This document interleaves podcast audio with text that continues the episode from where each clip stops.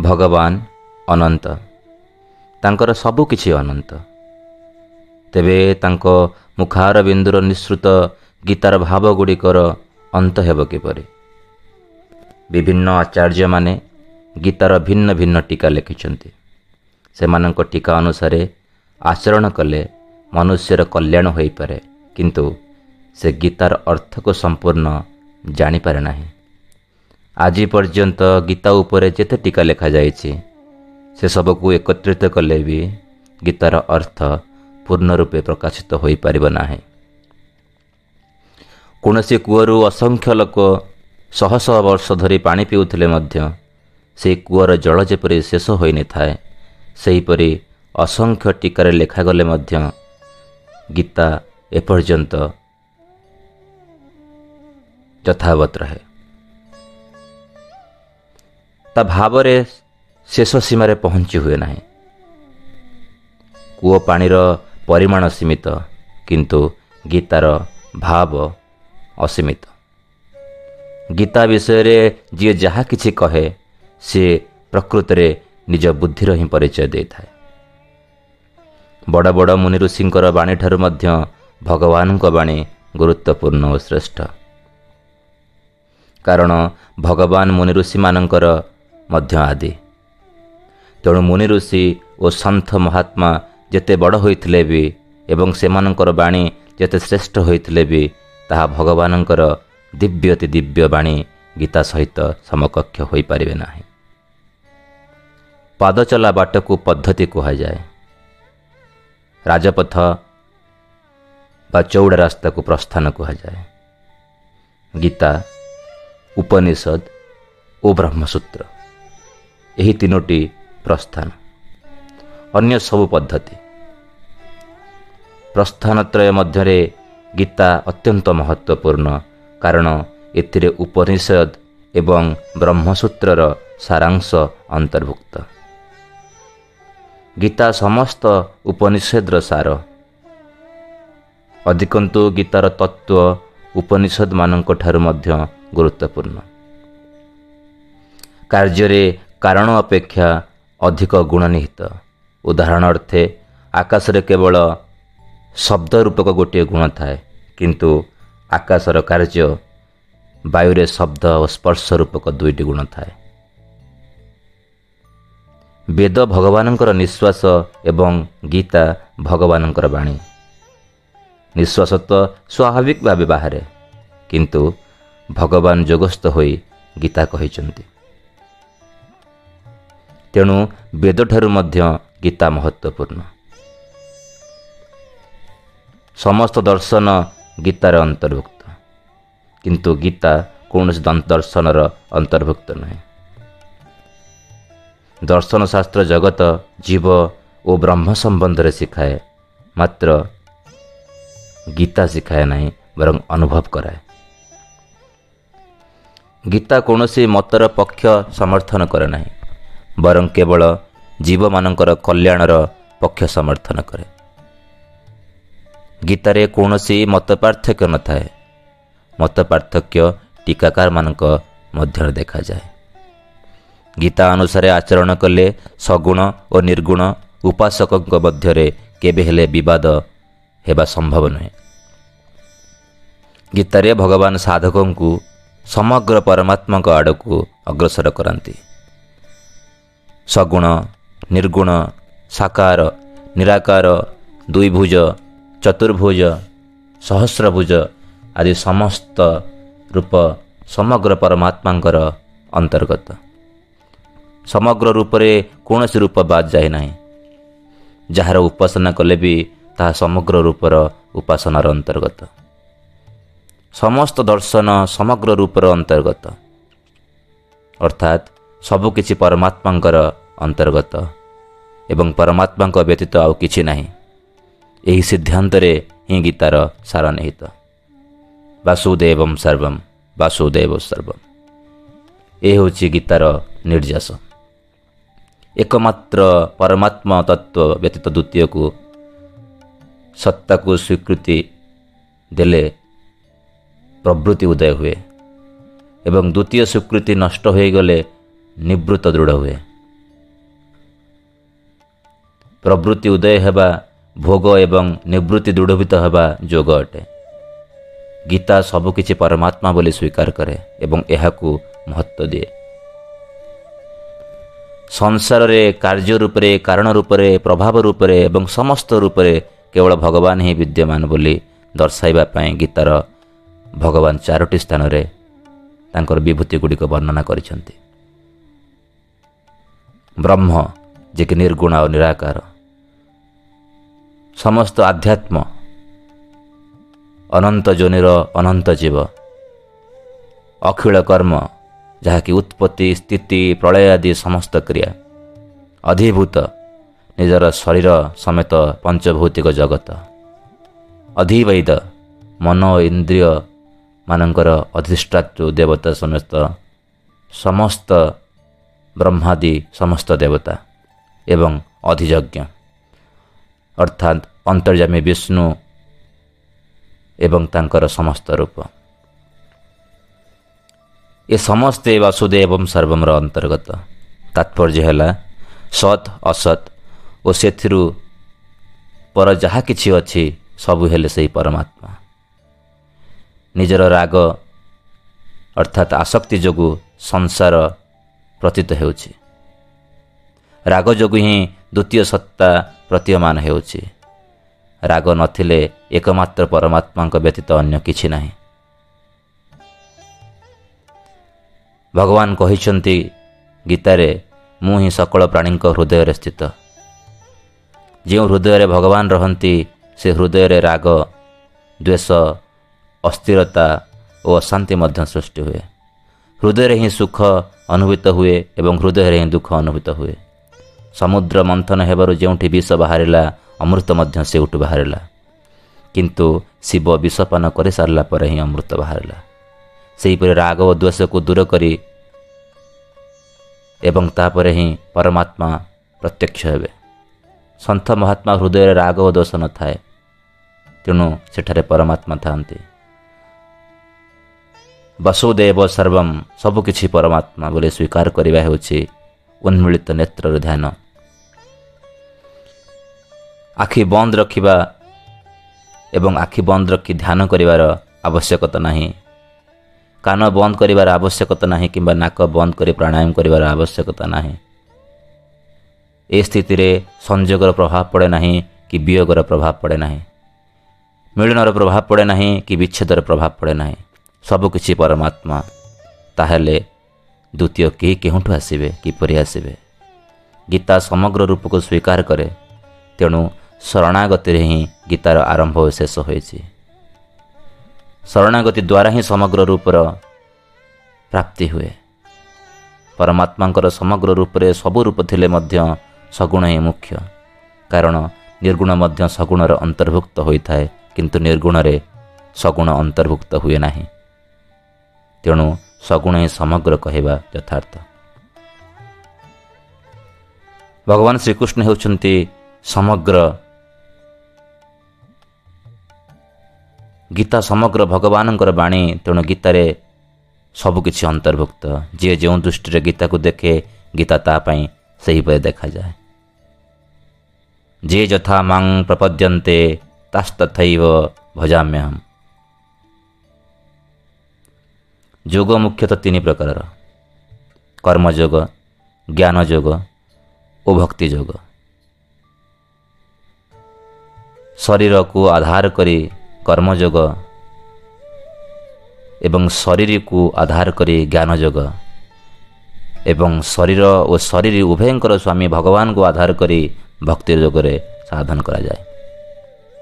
ଭଗବାନ ଗୀତାରେ ଆରମ୍ଭରେ ପ୍ରଥମେ ଶରୀର ଉପରେ ଆଧାରିତ ଜ୍ଞାନ ଯୋଗର ଏବଂ ତାପରେ ଶରୀର ଉପରେ ଆଧାରିତ କର୍ମଯୋଗର ବର୍ଣ୍ଣନା କରିଛନ୍ତି ତାପରେ ଧ୍ୟାନ ଯୋଗର ବର୍ଣ୍ଣନା କରିଛନ୍ତି କାରଣ ତାହା ମଧ୍ୟ କଲ୍ୟାଣର ଏକ ସାଧନା ତାପରେ ସମସ୍ତ ଅଧ୍ୟାୟରେ ବିଶେଷ ରୂପେ ଭକ୍ତିର ବର୍ଣ୍ଣନା କଲେ ଯାହାକି ଭଗବାନଙ୍କର ମୁଖ୍ୟ ଲକ୍ଷ୍ୟ ଥିଲା। ମନୁଷ୍ୟ କର୍ମଯୋଗ ଦ୍ୱାରା ସଂସାର ପାଇଁ ଜ୍ଞାନ ଯୋଗ ଦ୍ୱାରା ନିଜ ପାଇଁ ଏବଂ ଭକ୍ତି ଯୋଗ ଦ୍ୱାରା ଭଗବାନଙ୍କ ପାଇଁ ଉପଯୋଗୀ ହୁଏ। ଗୀତାରେ ସମତାକୁ ଯୋଗ କୁହାଯାଇଛି। ପ୍ରକୃତରେ କର୍ମରେ ହିଁ ଯୋଗ ଆବଶ୍ୟକ।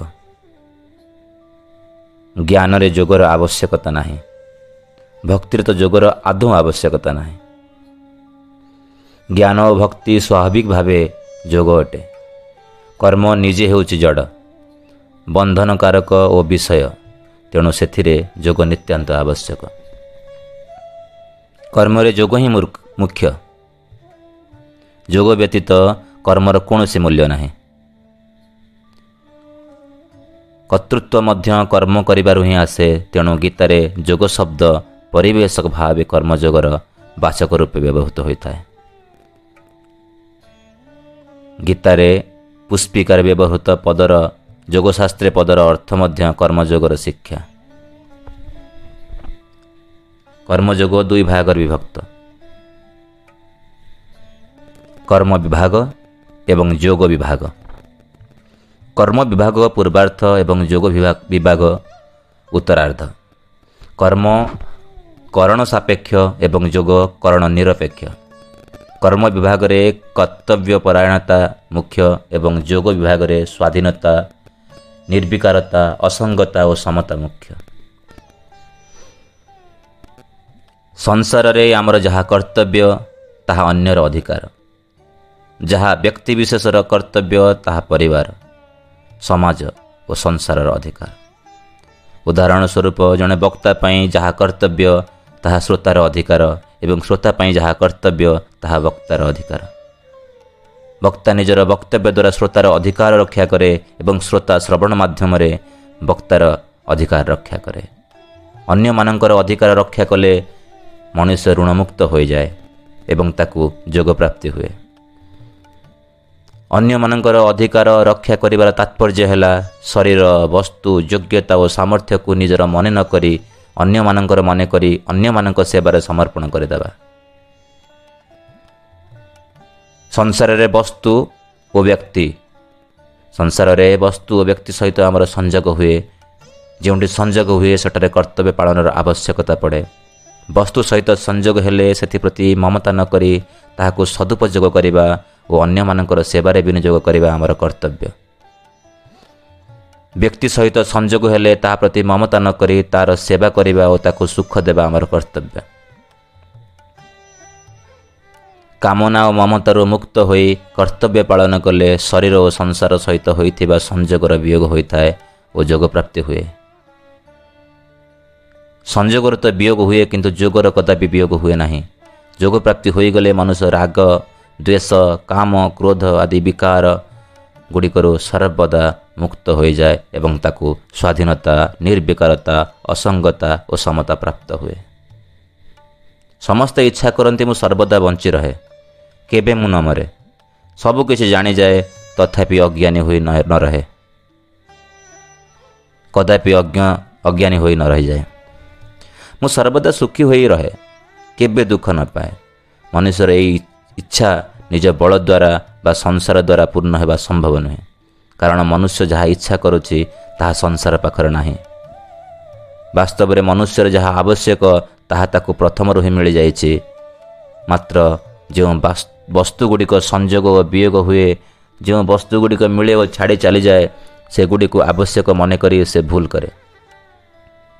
ଏହା ଏକ ସିଦ୍ଧାନ୍ତ ଯେ ଯେଉଁ ବସ୍ତୁ କୌଣସି ସମୟରେ ବି ଆମଠୁ ପୃଥକ ହୁଏ ତାହା ସର୍ବଦା ଆମଠାରୁ ପୃଥକ ଏବଂ ତାହା ବର୍ତ୍ତମାନ ମଧ୍ୟ ଆମଠାରୁ ପୃଥକ। ଉଦାହରଣ ସ୍ୱରୂପ ଶରୀର ଆମଠାରୁ ଦିନେ ପୃଥକ ହେବ ତେଣୁ ତାହା ସର୍ବଦା ଆମଠାରୁ ପୃଥକ ଏବଂ ବର୍ତ୍ତମାନ ମଧ୍ୟ ଆମଠାରୁ ପୃଥକ ହୋଇ ରହିଛି। ସେହିପରି ଯାହା କୌଣସି ସମୟରେ ଆମକୁ ଏବଂ ଆମଠାରୁ ପୃଥକ ହୁଏ ନାହିଁ ତାହା ସର୍ବଦା ଆମକୁ ପ୍ରାପ୍ତ ଏବଂ ବର୍ତ୍ତମାନ ମଧ୍ୟ ଆମକୁ ପ୍ରାପ୍ତ ଯିଏକି ପରମାତ୍ମା। ତାତ୍ପର୍ଯ୍ୟ ହେଲା ସଂସାର ସହିତ ଆମର ବିୟୋଗ ନିତ୍ୟ ଏବଂ ପରମାତ୍ମାଙ୍କ ସହିତ ଆମର ଯୋଗ ନିତ୍ୟ। ଗୀତା ଭକ୍ତିକୁ ସର୍ବଶ୍ରେଷ୍ଠ ବୋଲି ପ୍ରତିବାଦିତ କରେ। ଗୀତାରେ ବର୍ଣ୍ଣିତ ଭକ୍ତି ଦ୍ୱୈତ ଭକ୍ତି ନୁହେଁ ବରଂ ତାହା ଅଦ୍ୱୈତ ଭକ୍ତି। ପ୍ରକୃତ ଜ୍ଞାନରେ ଦ୍ୱୈତ ଭାବ ଏବଂ ଭକ୍ତିରେ ଅଦ୍ୱୈତ ଭାବ ନିହିତ। କାରଣ ଜ୍ଞାନରେ ଜଡ଼ ଚେତନ ଜଗତ ଜୀବ ଶରୀର ଶରୀରୀ ଅସତ୍ ସତ୍ ପ୍ରକୃତି ପୁରୁଷ ପ୍ରଭୃତିର ଦୈତ୍ୟ ଭାବ ଥାଏ। କିନ୍ତୁ ଭକ୍ତିରେ କେବଳ ଭଗବାନ ହିଁ ଥାନ୍ତି ବସୁଦେବ ସର୍ବମ୍ ଭଗବାନ ଜ୍ଞାନର ସାଧନା ବର୍ଣ୍ଣନା କଲାବେଳେ ମଧ୍ୟ ଭକ୍ତି କଥା ଉଲ୍ଲେଖ କରିଛନ୍ତି। ଏଣୁ ଗୁଣାତୀତ ହେବାର ଉପାୟରେ ମଧ୍ୟ ଭକ୍ତି କଥା ଉଲ୍ଲେଖ କରିଛନ୍ତି। ଜ୍ଞାନର ପରାନିଷ୍ଠା ଦ୍ୱାରା ମଧ୍ୟ ପରାଭକ୍ତି ପ୍ରାପ୍ତ ହୁଏ। ଏହି ପରାଭକ୍ତି ଦ୍ୱାରା ଭଗବାନଙ୍କୁ ଜାଣି ହୁଏ ଦେଖି ହୁଏ ଏବଂ ତାଙ୍କଠାରେ ପ୍ରବେଶ କରିହୁଏ ଭଗବାନ ତାଙ୍କ ଭକ୍ତକୁ କର୍ମଯୋଗ ଓ ଜ୍ଞାନ ଯୋଗ ପ୍ରଦାନ କରିଛନ୍ତି ଭଗବାନ ତାଙ୍କ ଭକ୍ତକୁ ସର୍ବୋତ୍ତମ ଯୋଗୀ ବୋଲି କହିଛନ୍ତି ଧ୍ୟାନ ଯୋଗରେ ମଧ୍ୟ ଭକ୍ତି ବିଷୟରେ ଉଲ୍ଲେଖ ଅଛି କର୍ମଯୋଗରେ ମଧ୍ୟ ଭଗବାନ ଭକ୍ତି ବିଷୟରେ ଉଲ୍ଲେଖ କରିଛନ୍ତି ପ୍ରତ୍ୟେକ ଯୁଗରେ ଭକ୍ତିର ଉଲ୍ଲେଖ କରିଛନ୍ତି ଏହା ଭକ୍ତିର ବିଶେଷତ୍ୱ। ଅର୍ଜୁନ ଭକ୍ତି ବିଷୟକ ପ୍ରଶ୍ନ କରିନଥିଲେ ତଥାପି ଭଗବାନ ନିଜ ପକ୍ଷରୁ ଭକ୍ତି କଥା ବର୍ଣ୍ଣନା କରିଛନ୍ତି। ଭକ୍ତି ଦ୍ୱାରା ସମସ୍ତ ଏବଂ ସମଗ୍ର ପରମାତ୍ମାଙ୍କୁ ପ୍ରାପ୍ତ କରିହୁଏ।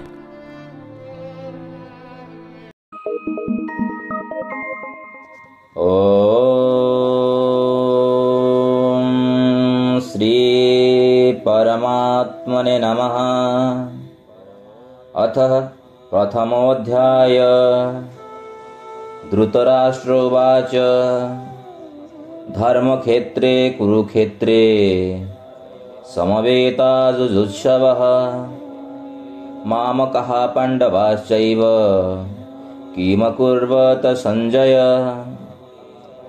ଧୃତରାଷ୍ଟ୍ର କହିଲେ ହେ ସଞ୍ଜୟ ଧର୍ମଭୂମି କୁରୁକ୍ଷେତ୍ରରେ ଯୁଦ୍ଧ ଇଚ୍ଛା ରଖି ଏକତ୍ରିତ ହୋଇଥିବା ମୋର ପୁତ୍ର ଏବଂ ପାଣ୍ଡୁଙ୍କର ପୁତ୍ରମାନେ କ'ଣ କଲେ ସଞ୍ଜୟ ଉବାଚ ଦୃଷ୍ଟ୍ୱା ତୁ ପାଣ୍ଡବାନେକଂ व्यूढं दुर्योधनस्तदा दृष्ट्वा तु पाण्डवानेकं व्यूढं दुर्योधनस्तदा आचार्यमुपसङ्गम्य রাজাবচনমব্রবীত সঞ্জয় কহিলে ସେତେବେଳେ ରାଜା ଦୁର୍ଯ୍ୟୋଧନ ବଜ୍ର ବିହରେ ଦଣ୍ଡାୟମାନ ପାଣ୍ଡବ ସେନାଙ୍କୁ ଦେଖି ଦ୍ରୋଣାଚାର୍ଯ୍ୟଙ୍କ ନିକଟଙ୍କୁ ଯାଇ ଏହି ବଚନ କହିଲେ ଅଶ୍ୱେତାଂ ପାଣ୍ଡୁପୁତ୍ରାଣାମ୍ ଆଚାର୍ଯ୍ୟ ମହତିଞ୍ଚୁମୁମ୍ व्यूढं द्रुपदपुत्रेण तव शिष्येण धीमतः ହେ ଆଚାର୍ଯ୍ୟ ଆପଣଙ୍କ ବୁଦ୍ଧିମାନ ଶିଷ୍ୟ ଦ୍ରୁପଦ ପୁତ୍ର ଦୃଷ୍ଟଦ୍ୟୁମ୍ନ ଦ୍ୱାରା ବିହ ରଚନାରେ ଛିଡ଼ା କରାଯାଇଥିବା ଏହି ବିଶାଳ ପାଣ୍ଡବମାନଙ୍କୁ ଦେଖନ୍ତୁ ଅତ୍ର ଶୂରା ମହେଶ୍ୱାସା ଭୀମାର୍ଜୁନ ସମାୟୁଧି युजुधानो विराटश्च द्रुपदश्च महारथ द्रुपदश्च महारथ। धृष्टकेतुश्च कीतानः काशीराजश्च वीर्यवान् पुरजित्कुन्तिभोजश्च शैवश्च नरपुङ्गवः युधामनुश्च विक्रान्त उत्तमोजश्च वीर्यवान् सौभद्रो द्रुपदेयाश्च सर्व एव महारथ सर्व एव महारथ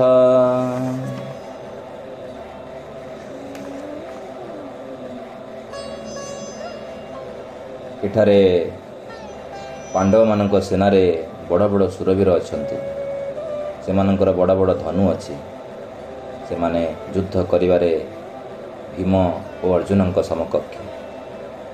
ସେମାନଙ୍କ ମଧ୍ୟରେ ଯୁଯୁଦ୍ଧାନ ଏକ ସାତ୍ୟକୀ ରାଜା ବିରାଟ ମହାରଥୀ ଦ୍ରୁପଦ ଦୃଷ୍ଟକେତୁ ଚେକିତାନ ଓ ପରାକ୍ରମୀ କାଶୀରାଜ ମଧ୍ୟ ଅଛନ୍ତି।